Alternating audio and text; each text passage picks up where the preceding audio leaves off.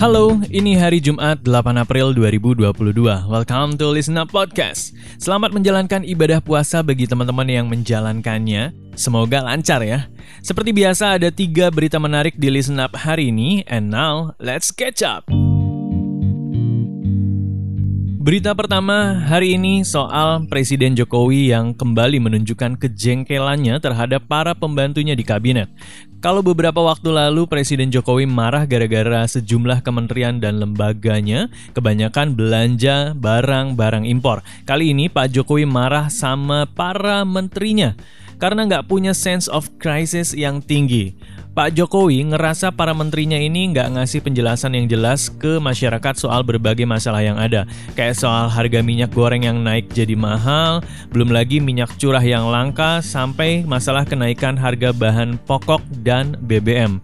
Hal itu disampaikan langsung sama Pak Jokowi di hadapan para menterinya pada sidang kabinet paripurna di Istana Negara 5 April 2022. Sikap-sikap kita, kebijakan-kebijakan kita, pernyataan-pernyataan kita harus memiliki sense of crisis, harus sensitif terhadap kesulitan-kesulitan rakyat.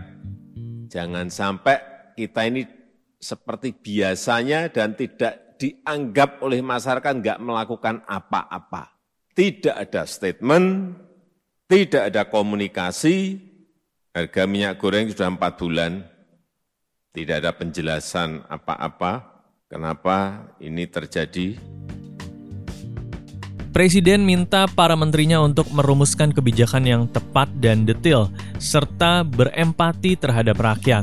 Intinya sih Pak Jokowi minta sama semua menterinya untuk fokus aja bekerja, jangan bikin polemik ya, apalagi soal penundaan pemilu dan perpanjangan masa jabatan. Kata Pak Jokowi, no. Jangan sampai ada lagi yang menyuarakan lagi mengenai urusan penundaan, urusan perpanjangan, Enggak. Saya rasa itu yang ingin saya sampaikan.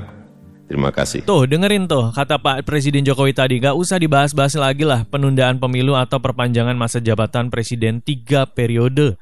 Cash close aja. Kan udah diketok palu juga soal waktu pemilu 2024 nanti. Now let's talk about Sri Lanka economic crisis. Saat ini di Sri Lanka kondisinya lagi benar-benar chaos banget akibat krisis ekonomi yang parah ya. Paling parah sejak Sri Lanka merdeka di tahun 1948 lalu.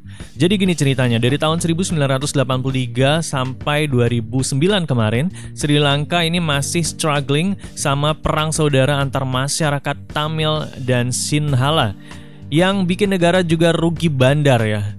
Nah, terus seiring dengan berjalannya waktu sejak 2009, ekonomi Sri Lanka itu pelan-pelan merangkak naik, ditopang dengan berbagai industri andalan mereka kayak pariwisata, ekspor teh, pakaian, dan berbagai produk pertanian. Tapi kalau dari pertahanan, Negara ini emang kurang banget guys. Sampai waktu 21 April 2019 lalu ada kejadian yang juga jadi salah satu sejarah kelam bangsa itu di mana ada bom bunuh diri yang menghancurkan tiga gereja dan tiga hotel mewah di ibu kotanya, Colombo. Dari kejadian bom itu, ekonomi Sri Lanka mulai mundur lagi. Terus belum nyampe setahun, ya ada pandemi itu ya. Dan makin anjlok lah itu perekonomian negara.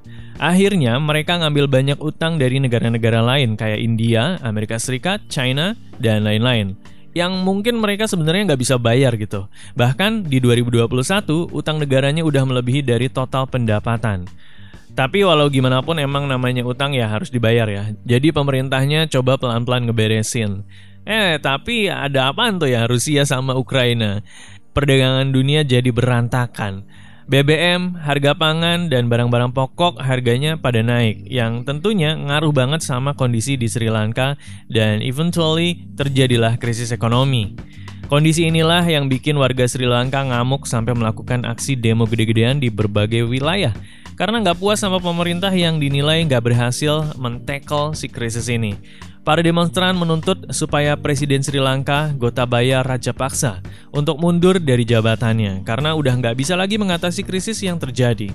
Saking gentingnya protes warga, Presiden Gotabaya kemudian memperlakukan kondisi emergency aka darurat.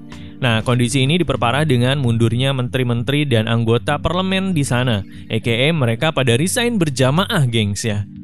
Karena pada resign, akhirnya presiden menunjuk orang-orang baru kan. Salah satunya adalah untuk posisi Menteri Keuangan, Ali Sabri. Eh, belum juga sehari ditunjuk, Doi langsung resign juga nih guys. Dalam keterangannya, Ali Sabri bilang, Presiden silahkan ambil kebijakan untuk mengatasi konflik yang terjadi secara fresh dan proaktif. Tapi kalau mau pakai cara konvensional juga bisa, termasuk mencari menteri keuangan yang baru. Ampun dah, rumit bener ya. Sampai sekarang aksi demonstrasinya masih berlangsung nih guys. Dan pemerintahan Sri Lanka juga masih struggle dalam mengcontain krisis ekonomi yang terjadi. Saking krisisnya, mereka harus rutin matiin listrik selama 13 jam sehari karena minyak untuk pembangkit listriknya terbatas banget. Rumah sakit juga operasionalnya jadi kacau. Nggak bisa ada tindakan operasi, kehabisan obat, ya pokoknya chaos banget lah ya. And now, let's talk about number one richest person in the world, Elon Musk. Penasaran kan? Ini orang ngapain lagi? Elon Musk sekarang bukan cuma bos Tesla dan SpaceX ya, tapi juga bos Twitter guys. Orang kaya tuh kalau iseng aja tuh belanjanya saham dan langsung jadi bos ya. To buy a piece of Twitter. So, like you pointed out, Tesla founder and CEO Elon Musk just disclosed the purchase of over 73 million shares of Twitter. That makes him a 9.2% owner of Twitter, to be very precise here. It also makes him the single biggest shareholder of the company, even bigger than some of the biggest mutual fund and exchange traded fund investors in Twitter. Jadi minggu ini orang terkaya nomor satu sedunia itu baru aja ngebeli sahamnya Twitter sebesar 9,2 persen. That being said, Elon Musk sekarang jadi pemegang saham terbesar di Twitter dan jadi bos atas platform tersebut immediately. Jadi awalnya, Elon Musk ini kesel gara-gara Twitter yang udah kayak town square yang legit buat orang-orang sambat. Ternyata nggak bisa lagi nge-maintain prinsip-prinsip dalam free speech dan akhirnya malah ngerusak demokrasi yang ada. Dari kesalahannya itu, Musk kemudian bikin poll, nanya pendapat netizen. Eh, nanya dong, Twitter tuh udah bener belum sih kalau urusan free speech? Dan majority of people, aka 70% dari mereka ngejawab no. Terus besokannya Mas nge-tweet ngode-ngode nih ya. Eh, kita butuh platform baru nggak sih? Nanya gitu ya. Kirain mau bikin apa gitu ya kan? Eh, taunya nggak lama dari situ dia ngumumin bahwa dirinya udah beli saham Twitter sebesar 3 miliar US dollar dari 3 miliar itu akhirnya kebelilah sahamnya sebesar 9,2% yang akhirnya membuat Musk jadi pemegang saham terbesar di Twitter. Namanya pemegang saham terbesar bisa dibilang Musk udah resmi jadi bos barunya Twitter. Nah, disampaikan juga sama Musk bahwa meskipun Doi sekarang menjadi pemegang saham terbesar, tapi investasi dia di Twitter tuh sifatnya pasif banget guys. Meaning dia nggak bakal ngapa-ngapain di sana kayak yang biasanya dilakuin stakeholder lain. Dia udah confirm nggak bakal ganggu urusan operasional atau corporate guidance.